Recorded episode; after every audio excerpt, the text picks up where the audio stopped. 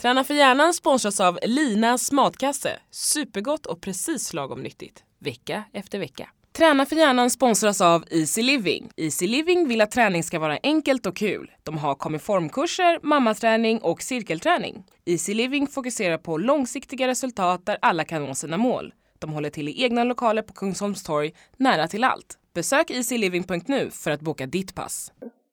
Jag kommer ihåg en gång när jag stod på Konsum. Då hade jag jobbat vansinnigt hårt och gått massa jourer och sådär. Jag jobbade dag och natt under några perioder. Liksom.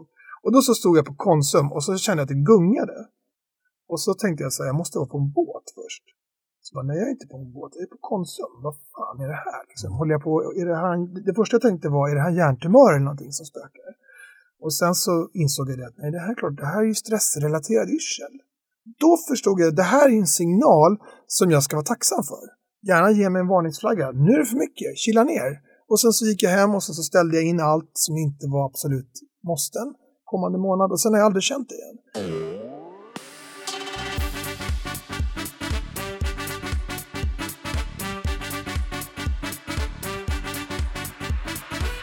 Eh, kul att du är här Anders. Vi har ju jagat dig med blåslampa och eh, jag har så mycket frågor så um, hoppas du har hjälp med dig för nu kommer det dundra på frågor här. Ös på bara. Ja.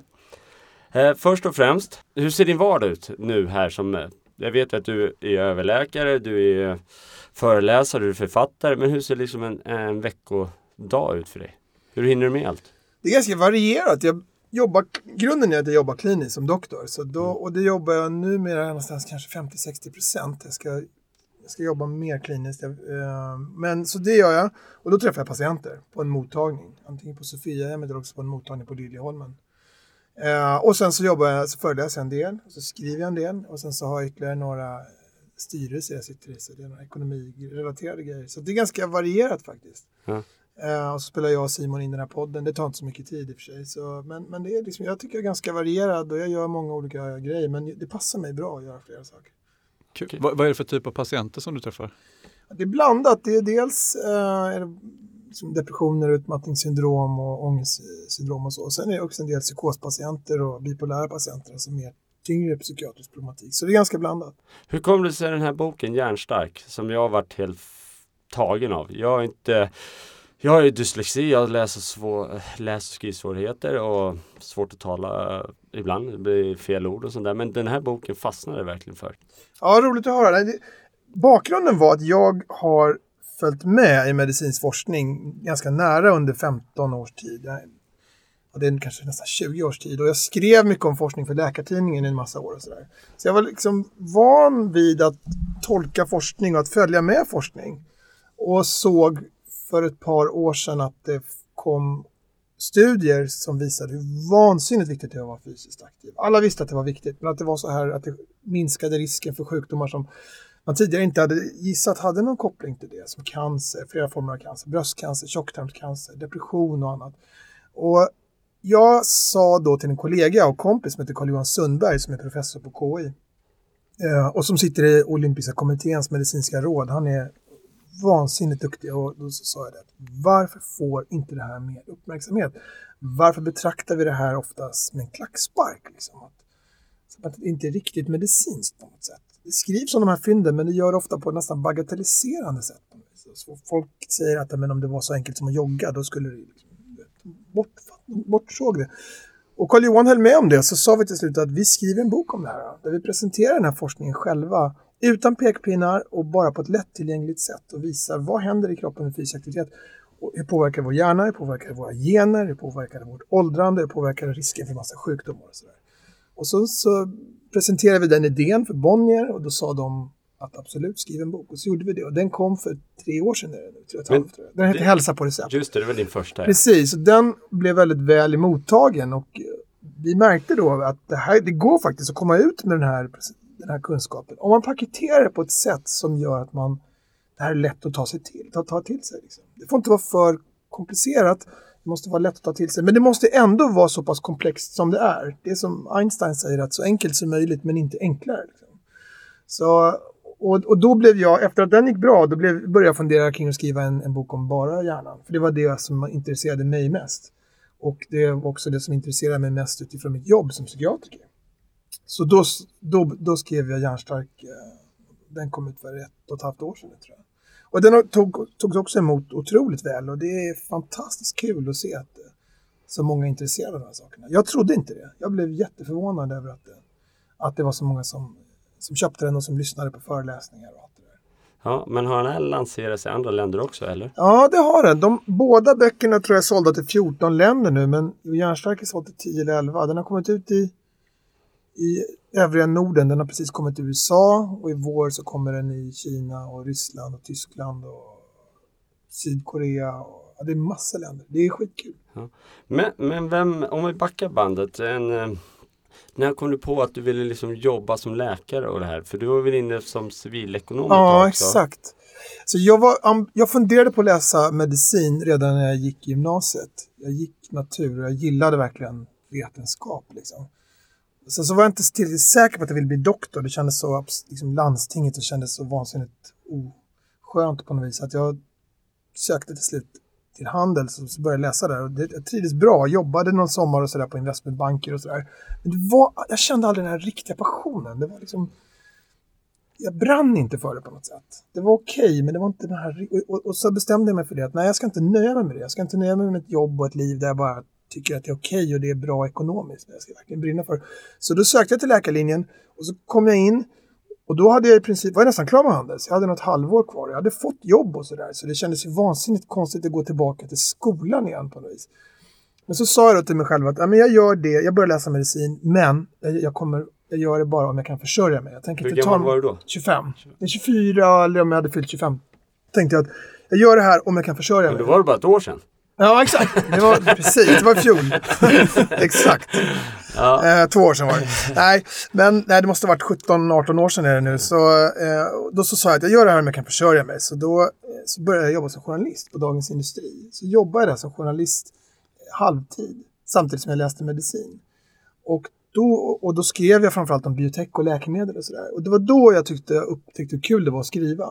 Så, jag, så det gjorde jag en massa år under hela läkarutbildningen. Och, så där. och sen så fortsatte jag skriva om medicin för Läkartidningen. Och så där. så jag hade liksom under en massa år byggt upp en vana att skriva och jag tyckte det var skitkul att skriva.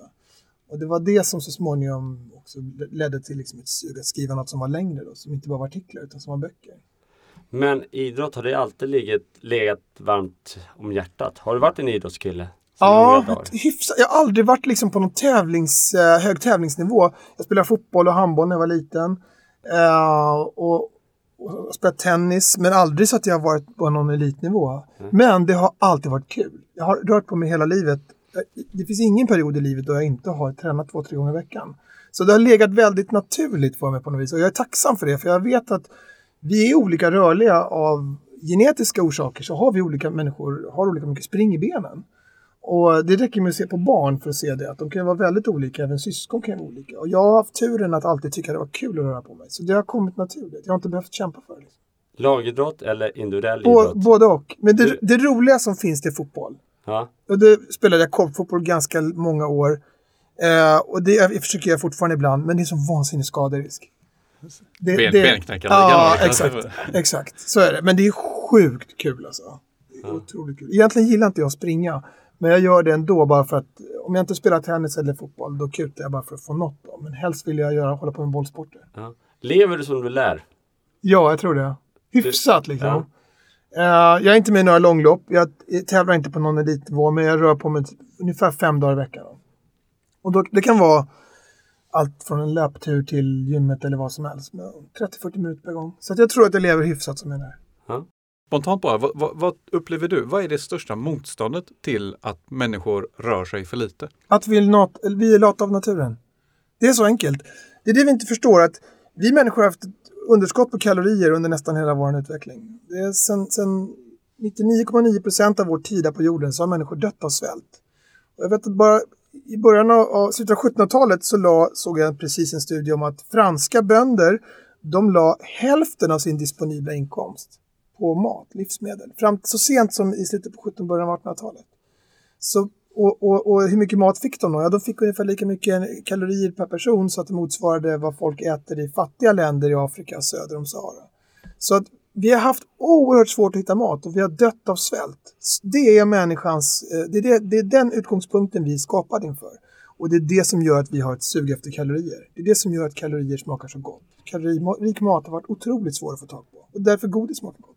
Sen nu för in i dagens värld där kalorier är gratis och det finns så mycket godis som helst på ICA, då kan vi inte hantera det. Och det är därför problemen med övervikt och diabetes är så stora. Och sen så är det också så att det kostar energi att röra på sig.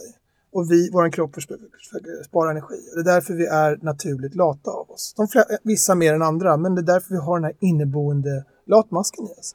Vi vet om att det är viktigt att röra på oss. Och, och, och även, och, och, så vi borde ju då vara liksom designade så att vi sprang hela tiden. Men det gör vi uppenbarligen inte. Och anledningen till det är att vi har haft ont om kalorier.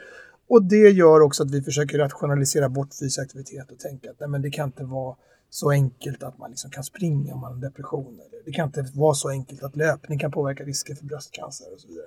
Jag tror det, det är orsaken. Ja, då har jag en fråga. Eh, det är väldigt ofta och väldigt många, om inte alla, som har de här tankarna när man ska till gymmet, att hitta ursäkter. Mm. Att liksom så ska jag träna idag eller äh, jag är lite övertränad. Eller man, man letar ursäkter. Mm. Går det mentalt att ställa om det här med tankar? Ja, det gör det väl lite grann i alla fall. Eller det är klart det gör, men eh, det är inte så att man, menar, det är jobbigast att komma igång i början. Man går från att, det är jobbigast att bygga upp vanor. Det är lättare att hålla dem vid liv än att bygga upp dem. Så, så visst gör det det. Och jag, personligen så tror jag det att bara vetskapen om att när jag ligger i soffan framför Netflix och hitta på en, vill hitta på en ursäkt. Då gör min hjärna det den ska. Det den har programmerats under miljoner år. Att stanna kvar för fan. Bränn inte dina dyrbara kalorier. Ligg kvar här istället. Och bara jag vet om det så det är ändå i slutändan så är det jag som bestämmer. Jag kan ändå ta mig liksom, jag kan ändå kontrollera mig själv på något vis. Så jag tycker att det kan vara ganska skönt att veta att man har den här driften i sig när man bestämmer själv i slutändan. Liksom. Ja, nej, men jag tänkte, för, för man vet ju oftast efter träningspass, man ångrar aldrig efter man har tränat. Nej. Då får man ändå finkicken och man Mm. tycker det är helt underbart. Men det är oftast på vägen dit som är svårt. Och Mm. desto mer man tränar, som du sa tidigare, desto lättare blir det ju. Ja, Eh, men man får ju ändå de här tankarna. Och då tänkte jag så här, nu när jag har dig, vad är receptet? ja nej men jag, jag vågar inte svara på det exakt vad det det är. Nog, receptet är nog olika för olika personer men jag tror, alltså ett är att hitta något som är, om inte kul så är lite mindre tråkigt. Vi har olika mycket spring i benen av genetiska faktorer. Och vissa kommer alltid hitta något som är kul. Det är inget, de kommer röra på sig naturligt. Och för dem spelar det inte så stor roll. De, de löser det här ändå. Och jag hör gudskelov till de personerna. Jag har haft turen att få en sån genetik som gör att jag gillar att röra på sig. Men jag vet också, jag har mycket kompisar som inte har det. De tycker allt är tråkigt. Och då har jag sagt till dem att de gör det som är minst trist. Då.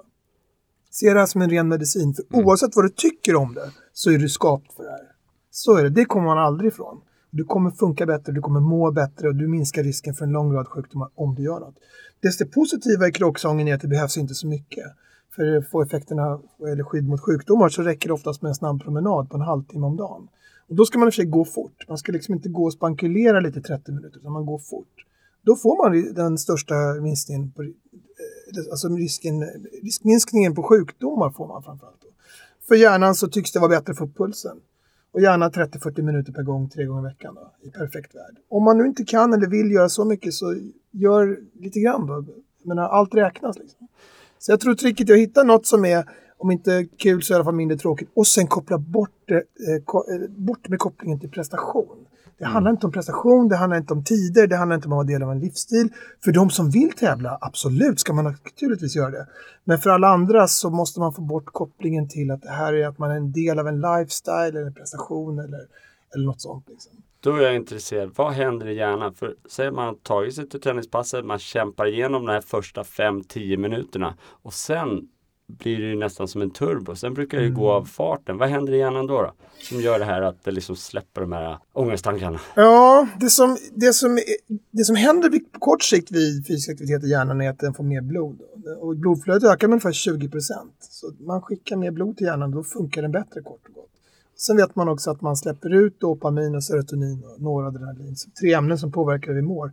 Och det gör man framförallt efter att man har varit, varit fysiskt aktiv. Delvis också under fysisk aktiviteten, men ännu högre utsträckning efteråt. Så kanske är det att, att, att den, de nivåerna stiger som gör att det känns lättare. Så egentligen om du ligger i soffan och har de här motgångarna, ställ dig på händer.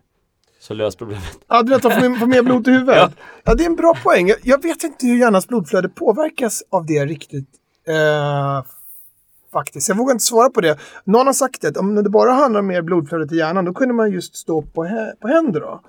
Och, eh, och någon annan har sagt att om det bara handlar om pulsstegring så borde man kunna få samma effekt om man hade en kontinuerlig panikattack i 30 minuter. Och, så, och, och det kan låta absurt, jag förstår logiken i det, men, men så är det inte. utan Evolutionen har byggt oss för att vi ska vara fysiskt aktiva. Om vi inte har varit fysiskt aktiva så har vi inte överlevt. Och det var när våra förfäder var fysiskt aktiva, sprang eller gick eller något annat som de behövde sina tankemässiga förmågor. Det var då de behövde vara koncentrerade, det var då de behövde minnas. Och det var då de överlevde. Den som satt ner och såg inget nytt, det hände inget runt om och då behöver inte, behövs inte minnet på samma sätt. Det är därför minnet slår av lite grann. Varför, den som satt ner hade inte samma behov av koncentration för det fanns ju liksom inget nytt att koncentrera sig på. Det, det, man, vid jaktsituationer och sånt, då, då, var man då, då rörde man på sig. När man satt ner hände inget. Så, och, och den som satt ner överlevde inte i samma utsträckning. Om man inte rörde på sig så fångade man inte mat. Så evolutionärt så är det inte, konst, så är det inte alls konstigt att hjärnan har byggts, utvecklats på ett sådant sätt att den stärks av fysisk aktivitet. För det var när våra förfäder rörde på sig som de behövde minne, koncentration, kreativitet och sånt som mest. Och det var då de överlevde och det är därför vi mår bra av det än idag. Liksom. Jag tror du har nämnt någon gång i en föreläsning att så mycket intryck som vi får Exakt. en dag Ja. idag motsvarar typ ett år. Ja, men, Eller? den här digitala informationsfloden tror jag, den, den är ju mycket, vi, vi får mycket mer intryck idag än vad vi fick tidigare förmodligen, så är det ju. Men det är också så att när man, när våra förfäder, och, och det kan man backa ännu längre, det kan vara tid, eh, alltså förfäder långt tillbaka som olika apor och sånt, eller förfäder som vi har gemensamt med apor och ännu längre tillbaka. När de rörde på sig, då fick de nya sensoriska intryck. De fick nya synintryck, hörselintryck och så vidare.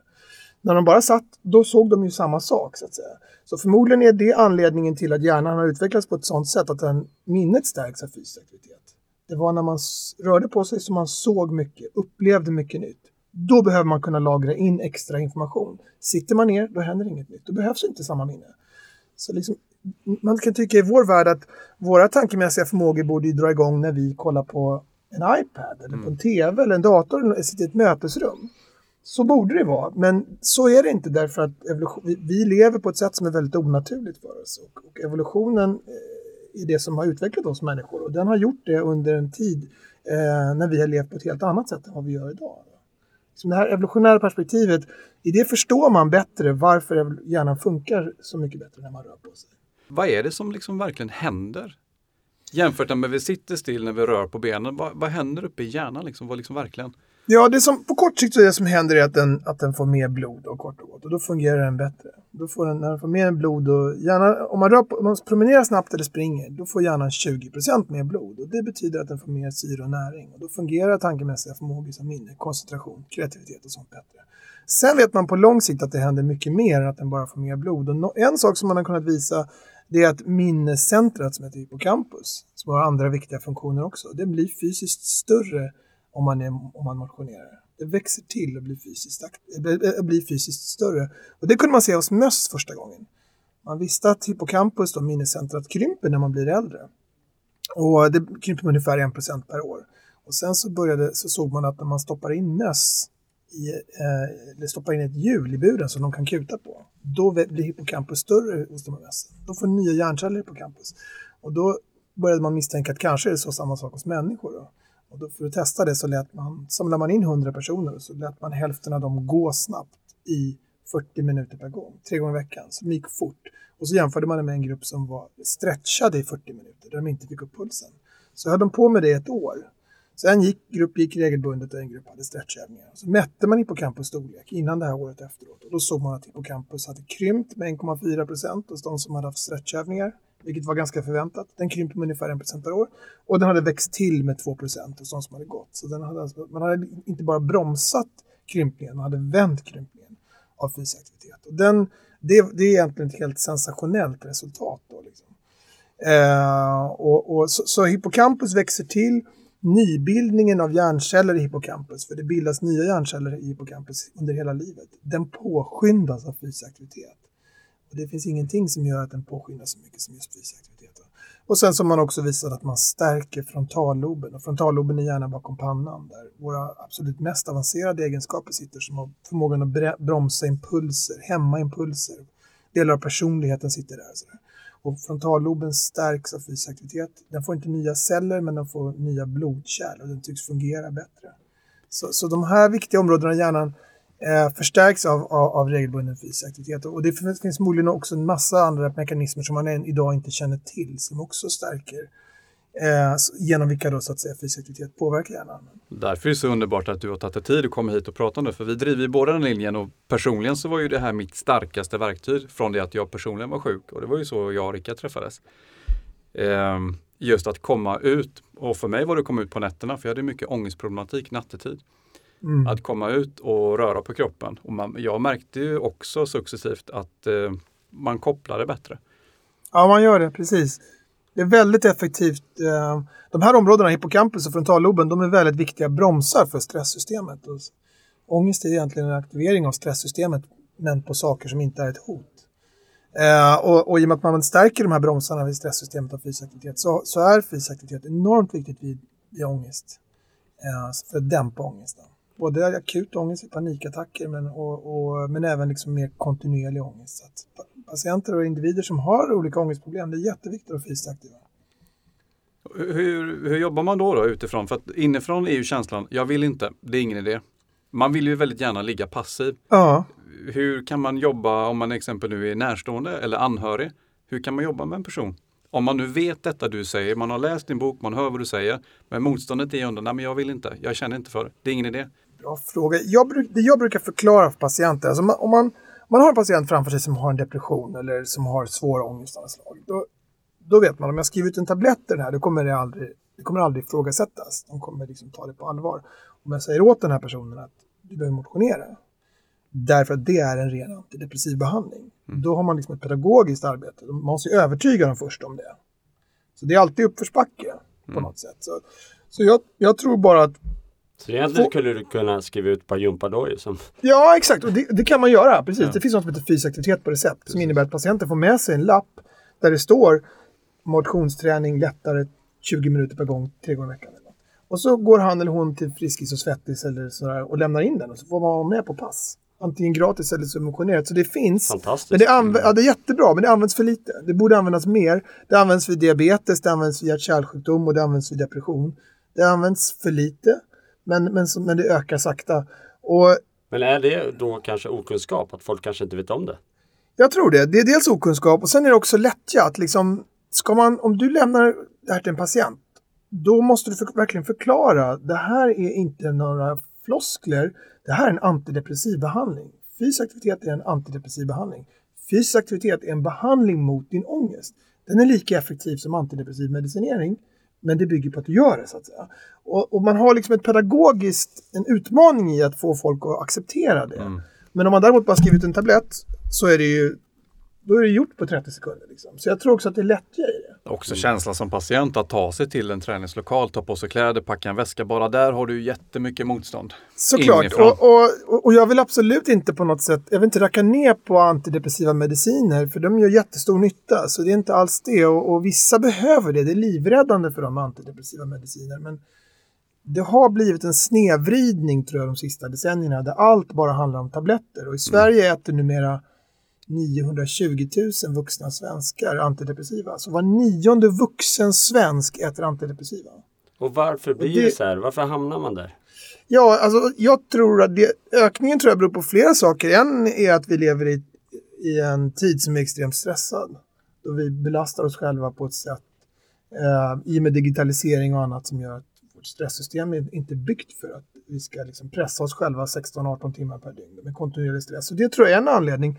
En annan anledning tror jag är den här minskade stigmat att man söker i ökad utsträckning. Och det tror jag är bra naturligtvis. Sen, sen så har det nog också blivit så att man sista åren har börjat se lättare depressiva tillstånd när man kanske är mer hängig under en period som en, djup, som en, som en eh, sjukdom som ska behandlas med mediciner. Och eh, för 20 år sedan sökte man inte hjälp för lättare depressiva episoder. Det gör man nu och så vill man ha en quick fix. Liksom. Och då skriver man ut läkemedel och då vet vi tyvärr att antidepressiva funkar ganska dåligt vid lättare depressionstillstånd. där är nog fysisk aktivitet mycket bättre faktiskt.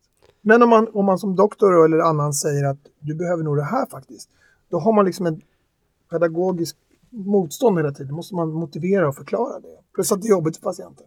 För då har jag en fråga, hur, hur, är liksom, hur går samtalen internt i läkarkåren? Har man olika läger om detta eller har vi vissa som är väldigt för och vissa som är väldigt mot? Eller liksom hur, hur ser man på saken i samsyn? Det är en bra fråga. Jag, jag har fått otroligt mycket positiva kommentarer från kollegor. Och jag har aldrig hört någon som har sagt något negativt om boken. Tvärtom sa folk, det var senast jag kom med en på stan igår, en kollega som jag aldrig träffat som sa tack för den här boken. Nu använder jag mig av det här när jag skriver till jag mina patienter. Så eh, jag tror att många har inte vetat om det riktigt. De har inte känt till den här forskningen. Men jag har, jag har och det finns klart, det kanske finns några som säger att nej, men det är allt som inte är mediciner är bara kvacksalveri. Det kanske finns några psykiatriker som resonerar så, men, men jag har inte sett någon som har tänkt så. Utan folk inser, kollegor inser det här, men, men eh, eh att de, de har kanske känt att det varit en pedagogisk utmaning mot patienterna. Men vad tror du där då? För, för jag har också varit mycket i skolans värld nu där man har, man har köpt in din bok men man gör ingen förändring. För du, du är inne på det här med lättja, för det här krävs ju också en insats, eller hur? Kanske en omorganisation att sätta folk i rörelse ja. gentemot att vara passiv. Alltså vad, vad, vad, tror du vi har för motstånd där? Liksom att, för vi har ju träffat jättemycket olika människor nu som har haft både stroke och cancer och allt möjligt. Där man liksom har satt igång en rörelse och upplever att man mår bättre. Mm. Hur kan man jobba med motståndet även om man intellektuellt sett kan läsa sig till det som står i boken? Är nog fel person att svara på det. Jag, jag är bättre på att bara lyfta fram det jag ville med det här är bara att presentera fakta. Så här ligger det till. Gör vad du vill med den här mm. informationen. Mm. Men vad gäller skolan så har jag sett jättemycket bra exempel sista året på olika skolor som har dragit igång satsningar, eh, pulsträning innan plugget. Och då har det oftast drivit av någon eldsjäl på skolan. Det kan ha varit någon lärare eller någon eh, rektor eller gymnastiklärare eller, som har liksom insett det här och som har föräldrar och som har drivit det själv. Då. Så att eleverna har fått vara fysiskt aktiva, oftast innan plugget. Eh, och de kommer dit för de märker att de funkar bättre. Ibland är de det varje dag, ibland är de det innan centralprov eller andra viktiga prov. Eleverna märker att de funkar bättre. Så, de kommer på det. så då har det inte skett på bekostnad av andra eh, ämnen. Då. Just det.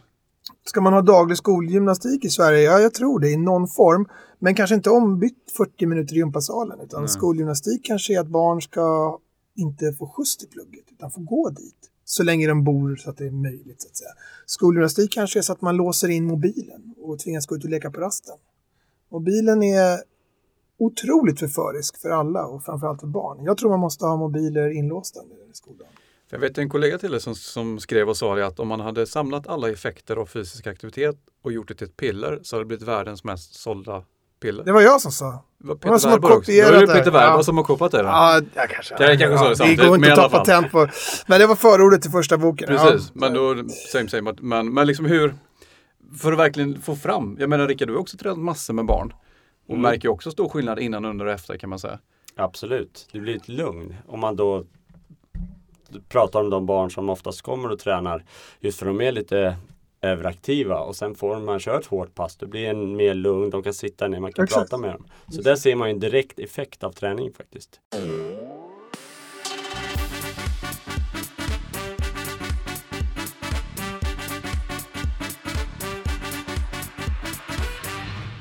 Vill du få en kickstart med din träning och komma i form inför sommaren? Nu går det att boka Rickard och Johans må bra och träningsresa till Marbella som äger rum mellan den 4 och 8 april. Alla kan vara med oavsett förutsättningar då träningen är anpassad efter allas olika förmåga. Boka din resa på rickardnordstrand.nu. Jag tänker på det här med skärmtid. Mm. Om vi tänker på hjärntrötthet. Mm. Hur, och då behöver man inte säga sociala medier eller inte, men många, är nu, många tittar ju på en skärm många mm. timmar per dag. Mm. Hur påverkar hjärnan av att uh, titta på skärm? Det är en bra fråga och det vet man inte heller riktigt. Det här är något som väldigt många forskar på just nu. Och det man, man, det man kunde se ganska nyligen var att eh, man har följt amerikanska ungdomars mående i flera, sen början på 90-talet. De har fått svara på massa frågor. Slumpvis un, utvalda amerikanska tonåringar på hur de lever. Och det har varit frågor om hur de, eh, hur mycket de sover, hur mycket de pluggar, om de dejtar, om de träffar sina kompisar, om de dricker alkohol, hur de mår, om de har ångest och så vidare. En massa frågor. Hur mycket tid de spenderar på nätet. Och det man såg då, det var att ju fler timmar de spenderade framför sina skärmar, desto sämre mådde de. Och, och det där var väldigt linjärt. Liksom. Alltså, ju fler timmar desto, sämre, desto mer problem med sömnen och desto mer, sämre mådde de. Och desto ensammare var de också.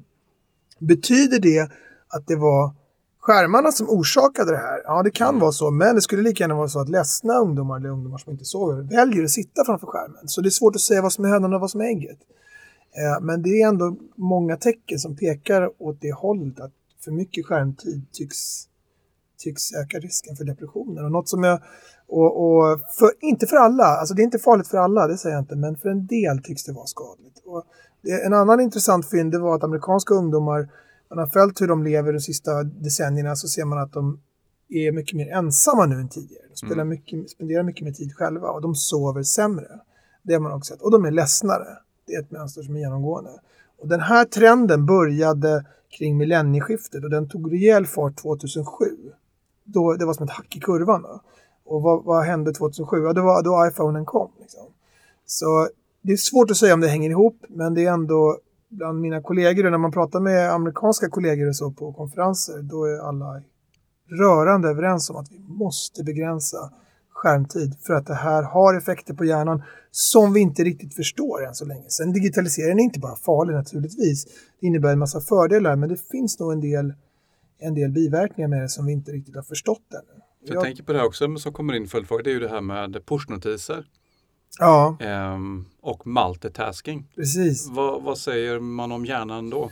Klarar hjärnan att filtrera fyra informationskällor samtidigt? Alltså en del gör det kanske det för, men multitasking är intressant. För multitasking, är, att göra flera saker samtidigt, det har visat sig att det innebär inte att man gör det, utan det man gör är att man hoppar snabbt mellan olika saker. Så man gör dem inte, inte parallellt, utan man hoppar mellan dem.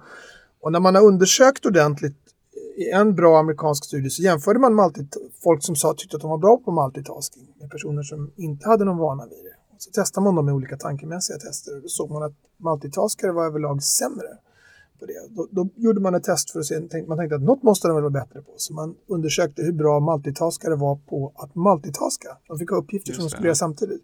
Och det visade sig att multitaskarna var sämre på det. Det är inte så. Så trots att de, trots att de hade liksom tyckt att de var duktiga på det så var de inte det. Så multitasking, att försöka göra tre saker samtidigt, titta på tvn samtidigt som man skriver ett mejl, samtidigt som man ska kolla något Facebookflöde eller något, det är helt värdelöst. Man gör ingenting av det ordentligt. Men det ser bra ut i alla fall. Det kanske ser bra ut, men, men vi, vi, vi tror att vi är bra på det. Men hjärnan är inte Nej, gjord inte för att arbeta på det sättet.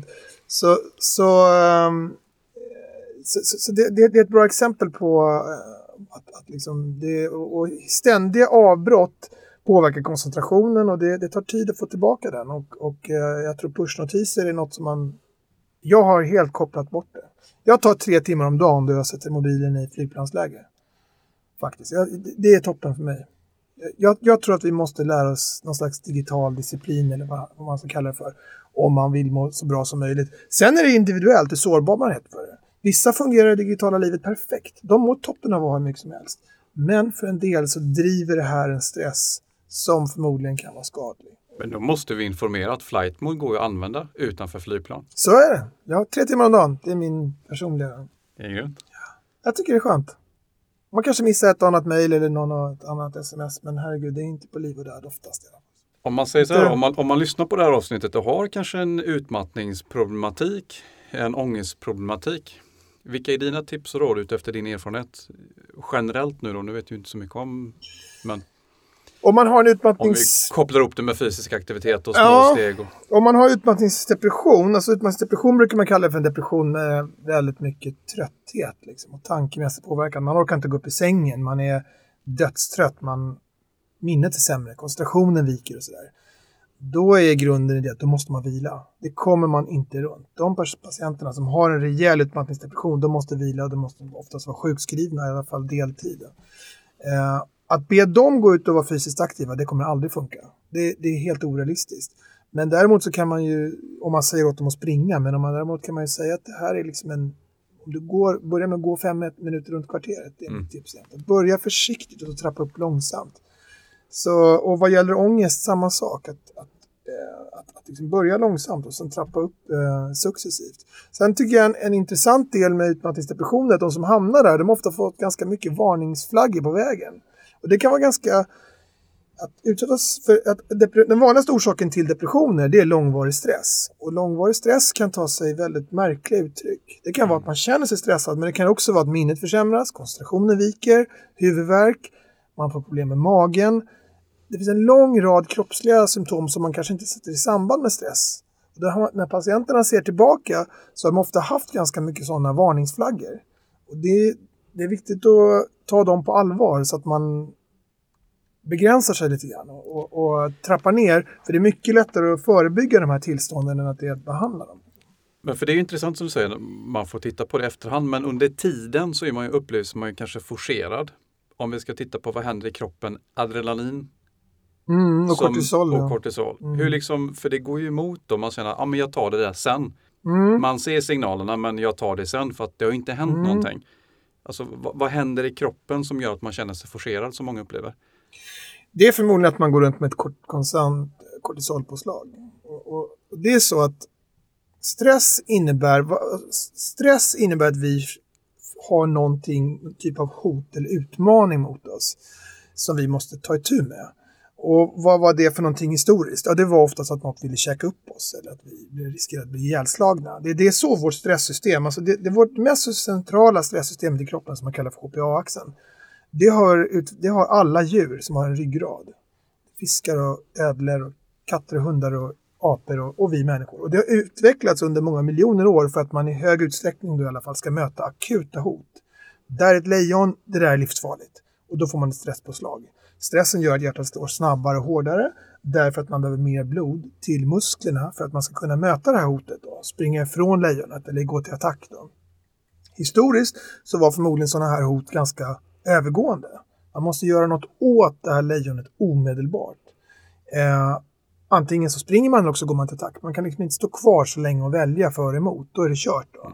I vår tid så har vi liksom, belastar vi samma stresssystem men vi gör det kontinuerligt flera månader eller år i sträck då, med villalån och dagishämtningar och allt vad det är. Och det är det som är problemet, att det är nog inte det här systemet byggt för riktigt. Och resultatet av det kan vara att minnet fungerar sämre därför att hjärnans minneskretsar behöver dra igenom, de, när vi får in upplever saker så behöver minnescentret dra de upplevelserna, köra igenom dem ett varv kan man säga. Spela upp det här vi varit med om igen för att vi ska lagra in det som ett minne. Och om vi går i, runt i konstant stridsberedskap, för det är vad vi gör. Vi går runt med garden uppe för att springa eller fly hela 20, 24 timmar om dygnet. Då kommer inte minnet funka. Då kommer inte koncentrationen funka. Det, det, då kommer matsmältning inte heller funka. För att den som står inför ett hot, det finns ingen poäng med att smälta maten när man håller på att bli uppäten av någon annan. Liksom. Så därför så prioriteras mage och sånt bort och då får man konstiga symptom från magen. Om man Så då liksom- säger jag är ju stresstålig. Ja, det, och, vi, och det är ju väldigt individuellt hur stresstålig man är. Vissa kan lasta på sig själv hur mycket som helst. Så, så, eh, så det, det, det är två saker med stress, att kortvarig stress är inte farlig. Det behöver vi för att kunna fungera. Och ingen kommer få de här konstiga stresssymptomen av att stressas en vecka. Det är inte farligt. Men att göra det månader och år utan möjlighet till återhämtning, det tycks vara skadligt för vissa. Inte, inte för alla, för det är väldigt stor individuell variabilitet eller variation i det. Vissa är väldigt tå- tåliga och andra är inte det. Så För då kommer du in på det här med återhämtning. Ja. Rickard, idrottsman. Hur, hur tror du att man kan jobba mer med sin egen återhämtning i förväg? Än att lägga det sen om man säger så. För att förstå detta att man ska hålla över tid till den dagen man själv inte vill vara produktiv. Ja, alltså det jag har gjort personligen är att jag har varit ehm, ganska observant på tidiga signaler. Jag kommer ihåg en gång när jag stod på Konsum. Då hade jag jobbat vansinnigt hårt och gått på massa jourer och sådär. Jag jobbat dag och natt under några perioder. Liksom. Och då så stod jag på Konsum och så kände jag att det gungade. Och så tänkte jag så här, jag måste vara på en båt först. Så bara, nej jag är inte på en båt, jag är på Konsum. Vad fan är det här? Liksom, Håller jag på, är det, här det första jag tänkte var, är det här hjärntumör eller någonting som spökar? Och sen så insåg jag det att nej, det här är klart, det här är ju stressrelaterad yrsel. Då förstod jag att det här är en signal som jag ska vara tacksam för. Gärna ge mig en varningsflagga. Nu är det för mycket, chilla ner. Och sen så gick jag hem och sen så ställde jag in allt som inte var absolut måsten kommande månad och sen har jag aldrig känt det igen. Och det där tror jag är viktigt att vara observant på tidiga varningsflaggor. För de flesta som går kan in... du ju tacka din eh, kunskap där. Så Jag är satt det, ju på precis. Skandinavium ska jag säga med samma Exakt. vågor men fattar ingenting. Nej, Känns exakt. som att jag var på någon båt i Skandinavium. Ja. Och då gäller det att veta vad det här är. Så de flesta har fått varningsflaggor. Vi måste vara medvetna om vad det här är för någonting och ta dem på allvar naturligtvis. Hade det gått bra om jag hade kört vidare? Ja, det är mycket möjligt. Jag har ingen aning. Men jag, jag hade definitivt ökat risken att gå in i väggen eller drabbas av utmattningssyndrom. Sånt, om jag bara hade fortsatt. Så Och de som säger så här då, nej men det är bara att hitta på det här, gå in i väggen. Jag har ju inte varit förkyld på 20 år. Det är bara nonsens. Hur kan vi hjälpa mm, kunskapen där tror du? Ja, men det är lika. Att säga att, att, säga att utmattningsdepressioner inte finns, det är som att säga att hjärtinfarkt inte finns. Det är så dumt så. Och, och, att, att, och att, att säga till någon som är drabbad av det, eller av ångest eller något annat, att de ska ta sig samman eller skärpa sig. Det är liksom som att säga till någon som har en cancer att ta dig samman eller skärp dig. Mm. Det är helt, det, är- det är vansinnigt dumt. Jag vet inte om man ska övertyga dem om att det är sådana personer som har den inställningen. Det är okunskap helt enkelt. det är okunskap och, och bara för att psykiska sjukdomar eller psykiska besvär inte kanske syns lika tydligt på utsidan eller i labbprover som kroppsliga sjukdomar gör så betyder det inte att de är mindre konkreta. Liksom. Depression, det är, en, det, det är saker, hjärnan fungerar inte som den ska av olika anledningar och, och, och det är lika konkret som en lunginflammation eller något annat. Så det, ja, och där får man jobba med att ta bort stigma. Liksom.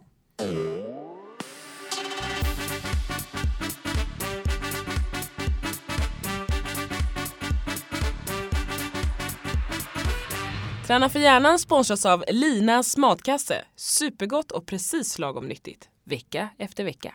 Träna för hjärnan sponsras av Simor. Simor är en streamingtjänst där du kan streama filmer, serier, tv-program och sport helt utan reklam. Du kan också livestreama alla SVT och TV4s kanaler precis vart du vill. Vad har du för tips för de som är närstående? Till någon som har utmaning, ångest, eh, depression, utmattningssyndrom exempel. Någonting man ska vara observant på vid djupa depressioner det är ju självmordstankar och så som är omgivningen. Och då ska man fråga den som har det. Eh, rakt ut. Så det är ändå så att i Sverige så är det fyra personer per dag som tar livet av sig. Det är 1500 per år. Det ska man jämföra med trafikolyckor som är 250 per år. Så det är sex gånger så många som dör av självmord. Vi pratar inte om självmord och, därför, Nej. och, och vi pratar däremot mycket om trafiksäkerhet men vi pratar liksom inte om självmordssäkerhet. Det man vet är att om man har någon som man känner som är djupt deprimerad, då ska man ställa frågan rakt upp och ner. Har du tankar på att ta ett liv? Liksom? Därför att det är inte så att man sätter ett frö i någon, det har man kunnat visa. Man behöver inte vara orolig för att man planterar en tanke som kommer riskera till självmord. Så det är en grej.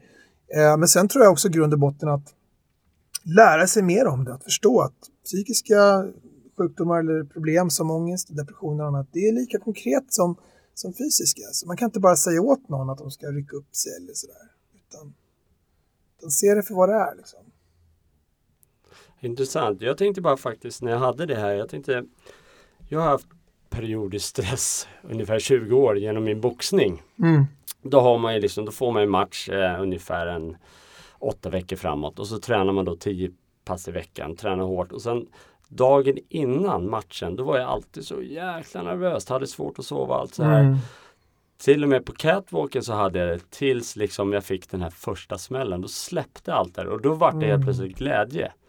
Vad är det Mhm. liksom som gör, gör de tankarna?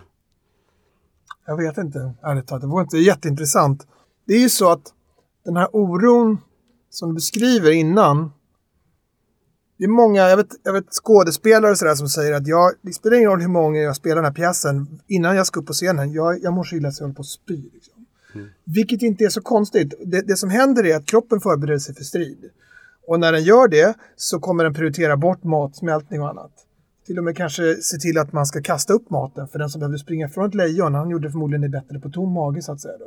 Så, så liksom att illamående och den typen av, av symptom kan hänga samman med stark stress, det kan man förstå. Men sen när man väl kommer upp på scenen, eller i ditt fall i ringen där, och känner att nu är det på allvar, då, då liksom och, och, och får, man får första smällen eller säger första repliken eller någonting. Liksom. Då, då är man ju i det där och då och då finns det ju ingen, liksom, och då känner man att då försvinner den här ångesten. Så kanske är glädjen som du upplever där kopplad till att ångesten försvinner. Ja, för i vissa fall precis innan då när man ska hälsa på varandra, stå och titta på den andra killen där borta och känner vad fan gör jag här? Ja, det, det är inte så konstigt. Och, och med tanke på att du är, står inför att få, riskera att få ett rejält kokstryk. Liksom. Men, men hur gör du där för att inte baila ur? Liksom? Nej men då har jag egentligen bara liksom så här, nej men någonstans har jag väl av erfarenhet känt att det kommer bli bättre alldeles strax. Eh, i början, mina första matcher, det var ju som att titta genom en toalettrulle. Det var ju tunnelseende, jag kommer Ja. inte ihåg så mycket. Nej. Men sen har jag erfarenhet och så här så visste jag ju att så fort jag får den här första smällen så blir det bara glädje.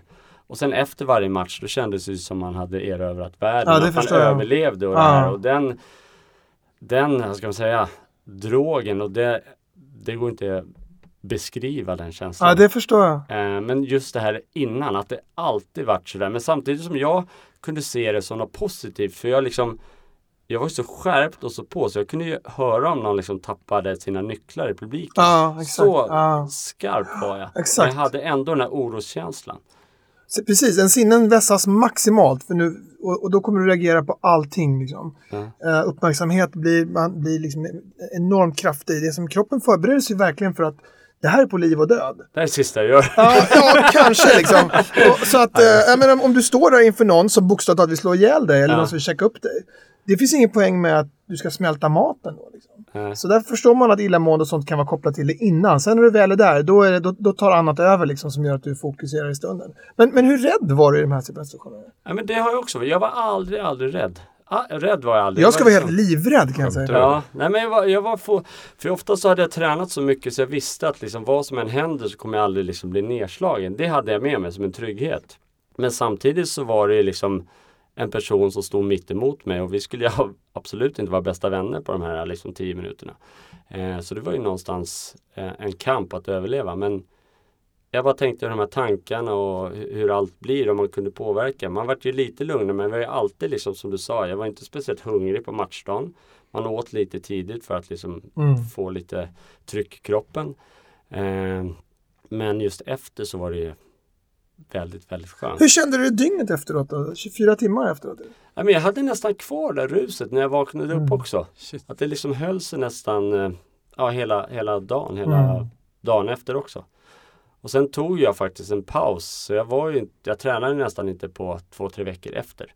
Efter en sån här Mhm. hård träningsperiod. Då var inte jag på gymmet. Jag höll mig borta liksom för att få, nej, men få lite sug igen. Mm. Eh, och sen kom jag tillbaka och så körde vi igen. Nej, men så det höll på. Så Mm. jag tror faktiskt att det kan ha byggt upp att jag var ganska stresstålig. Mm. Just för att man var van att sätta sig i de här situationerna.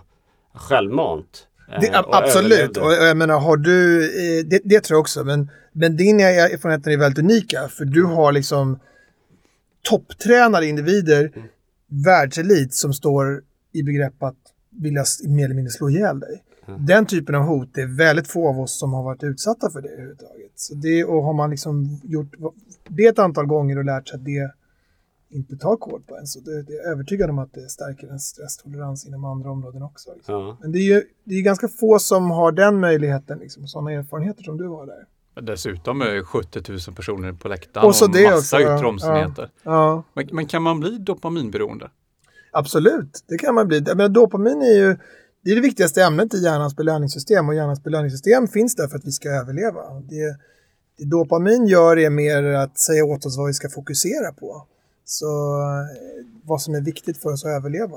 Och, det, det här systemet, då råkar man då droger kapa det här systemet kort och gott. För, för när man tittar nu då på människor som älskar träning, Mm. där man säger orden, men det är nästan så att jag blivit tränings, träningsmanisk, där kroppen sen får en stressfraktur. Kan det vara så att man jagar en må bra-känsla? Ja, absolut. Så är det ju. Och det man kallar för ortorexi, alltså träningsberoende, det, det, det, innebär att man tränar sig mer av tvångsmässiga skäl. För att vara ortorektiker så ska man nog inte hålla på en timme om dagen, utan det är tre, fyra timmar om dagen att man, att man tränar mer av ångestdämpningssynpunkt. Då, liksom. Det är väldigt drivet av ångest. Så att, eh, visst kan man bli beroende av, av det, men, men det är ju det är ett bra beroende tycker jag. Sen så ska man vara lite försiktig med riskerna med träningsberoende för att det är inte så att land, som Carl Johan säger, det är inte så att landets vårdcentraler är fulla av folk som tränar för mycket, utan landets vårdcentraler är fulla av folk som tränar för lite. Mm. Och ibland när man blåser upp risker kring träningsberoende så tolkas det av en del som att det här ska, det betyder Just att det. man ska inte träna. Liksom. Så det, det, man får vara lite försiktig i, med det, eh, tror jag. Men, men eh, tittar man på långdistanslöpare så är det så att en del hamnar i vad man som kallar för runners high, då, som är liksom väldigt kraftig eufori. Det kanske är liknande du upplever. Och det betyder ju att det, som händer, det, det tror man beror på endorfiner, i alla fall delvis på endorfiner. Endorfiner är kroppseget morfin. Det gör att man blir hög Och det gör också att man upp, minskar upplevelsen av smärta. Och det här har förmodligen varit viktigt när vi har jagat långa distanser. Man har jagat djur i flera mil. För det finns inget djur som springer långdistanslöpning så bra som människan. Människan slår alla andra djur på maratondistanser och längre. Därför att vi har en unik förmåga att svettas. Så liksom, hästar och you vi springer från allting på maratondistanser. Så vi är inte snabba på kortdistanser såklart, men långa är vi det. Och vid långdistansjakt, då har det varit viktigt att få den här endorfinkicken. Dels får man en kick som gör att man vill fortsätta kuta. Men också om man har en stukning eller något sånt där så dämpar den här känslan av smärta. Då. Så historiskt så har nog Runners High varit jätteviktigt i långdistansjakt. Och samma sak kan vi uppleva idag vid maraton och liknande. Och kanske är det samma sak som du upplever den här euforin i ringen där att liksom i den situationen, du kan inte känna smärta där. Du har så mycket adrenalin i, i kroppen och, och så mycket endorfiner som gör att det dämpar din upplevelse av smärta. Och det, på köpet så blir du också euforisk. Liksom. Men, men du berättade ju själv att du sparkade ju någon så att du såg ditt egna ben på smalbenet och inte ja. kände smärta. Är det så att kroppen har satt det, ja, ett system? absolut. Och det är nog adrenalin i det läget. Att jag menar, när fick man sitt ben avsparkat? Ja, det var ju livsfarliga situationer. Liksom. Och då gäller det att ta sig undan eller gå till attack. Liksom. Och då kan man inte hålla på och oroa sig med att det gör ont där. Det finns ingen sån poäng alls. Så det är förmodligen därför vi är byggda på det sättet. Då. Men sen kommer ju verken så att säga såklart. Ja, faktiskt. Det var intressant att du nämnde det Johan. För det var ju sådär att jag sparkade och hela skebenet sprack ju liksom. Det var ju nästan 8 cm rätt upp. Och i pausen då så lade de i vaselin. Och jag tänkte så här fan det här håller blödningen. Så det blödde aldrig under liksom hela matchen. Men sen när de tvättade och tog sprutor då, då började det liksom komma efter. Kan mm. adrenalinet hålla så länge? Ja, det, uppenbarligen. Jag, jag, jag vågar inte svara på det. Men att det är konstigt. när fick man sådana där adrenalinpåslag? Jag menar, det, var ju, det här historiskt har varit, de har haft stora blödningar som riskerar att man gör att man blöder ihjäl. Liksom. Så jag förstår att blodtillförsel så kan bromsas så att man inte ska blöda ihjäl. Det är sådana mekanismer man drar igång. Då. Ta in Rickard på en studie tycker jag. Men, ja, ja. men hade du inte, det gjorde inte vansinnigt ont alltså? Nej, nej, men jag kände ingenting. Det, det som var lite komiskt var att eh, en kompis med mig fick den här skinnbiten i pannan som satt på första raden. Han var inte lika nöjd alltså. Oönskad present alltså. Bara flaff! Det var som om någon slängde snus i pannan på. Eh, så så var det. Men, men, eh, nej, men det var fascinerande för jag tänkte så här, nu kommer de bryta matchen för nu kommer det forsa. Men det höll sig verkligen. Åh oh, fan. Ja, så det var spännande. Men jag måste ändå falla tillbaka till den här Järnstark-boken som du skrev. Just med den idrotten som jag har utövat har det varit väldigt mycket slag mot huvudet. Nu har det faktiskt bevisats att det har fötts nya hjärnceller när jag har tränat. Så man mm. kan säga att jag har gått plus på mina 20 år. ja, jag vet inte om man kan säga att man har gått plus. men, men, men, eh, men man, det, det, stämmer. Det föds, uh, det föds nya hjärnceller under hela livet. Så är det. Och det, mm. det trodde man inte tidigare. Man trodde att den hjärna man hade när man var 18-20 var den man skulle nöja sig med. Men sen har det visat sig att det föds nya hjärnceller. Det föds mycket nya hjärnceller. Hela delar av hjärnan så kommer en tredjedel av den bytas ut under livet med nya hjärnceller. Så det är en större omsättning av man, man tror. Sen tror jag med det sagt att man ska vara försiktig med skador mot slag mot huvudet. Men det har du hört många gånger tidigare. Absolut, och det, det står mm. jag bakom också. Och det, det kan man inte argumentera emot. Men eh, som eh, överläkare och allt sånt där. Vad händer? Roar du ibland? Dricker du alkohol? Absolut. Jag är inte nykterist eller jag, jag lever inte något fanatiskt eh, liv på något sätt. Liksom. Alltså, åt, åt något håll. Um, så att... Men hur ser du på det då? På vad? Alkohol och... Så jag tror att Ja, det är en bra fråga. Alltså, jag, jag måste säga att jag, jag dricker mycket mindre än vad folk gör i snitt. Jag dricker aldrig alkohol till middagen eller något sånt där. Men det är bara för att jag är inte särskilt förtjust i det här Sen så tycker jag även små mängder alkohol gör att jag påverkas. Jag känner mig hängig dagen efteråt. Det funkar sämre tankemässigt och sådär. Så, men det är klart om det är någon födelsedagsfest eller någonting, det, det, är inte så att jag är absolutist då. Liksom. Jag försöker minimera det för jag vet att det kostar ofta mer än det smakar. Liksom. Ja. Men när det är nyårsafton, då, det är inte så att jag... Nej. Och det, hur skadligt är det på hjärnan då att dra en riktig fylla? Jag vågar inte svara på det, men det är definitivt inte bra. Liksom. Jag kan inte svara på exakt hur farligt det är. På, det tycks vara mängden alkohol, eh, alltså den totala mängden påverkar nog snarare leverskador och de här riktiga bläckorna påverkar nog hjärnskador. Så jag tror att det, man ska ju naturligtvis inte undvika det såklart. Liksom. det säger jag till alla patienter, men jag, jag tror att Ska man, ska man få folk att förändra livsstil så gäller det att ha något som är liksom realistiskt på något vis. Man kan inte leva allt för fanatiskt. Att man ska lägga om allting och bli absolutist och springa långlopp och sådär. Det är för, en, för en del funkar det men för inte för alla liksom.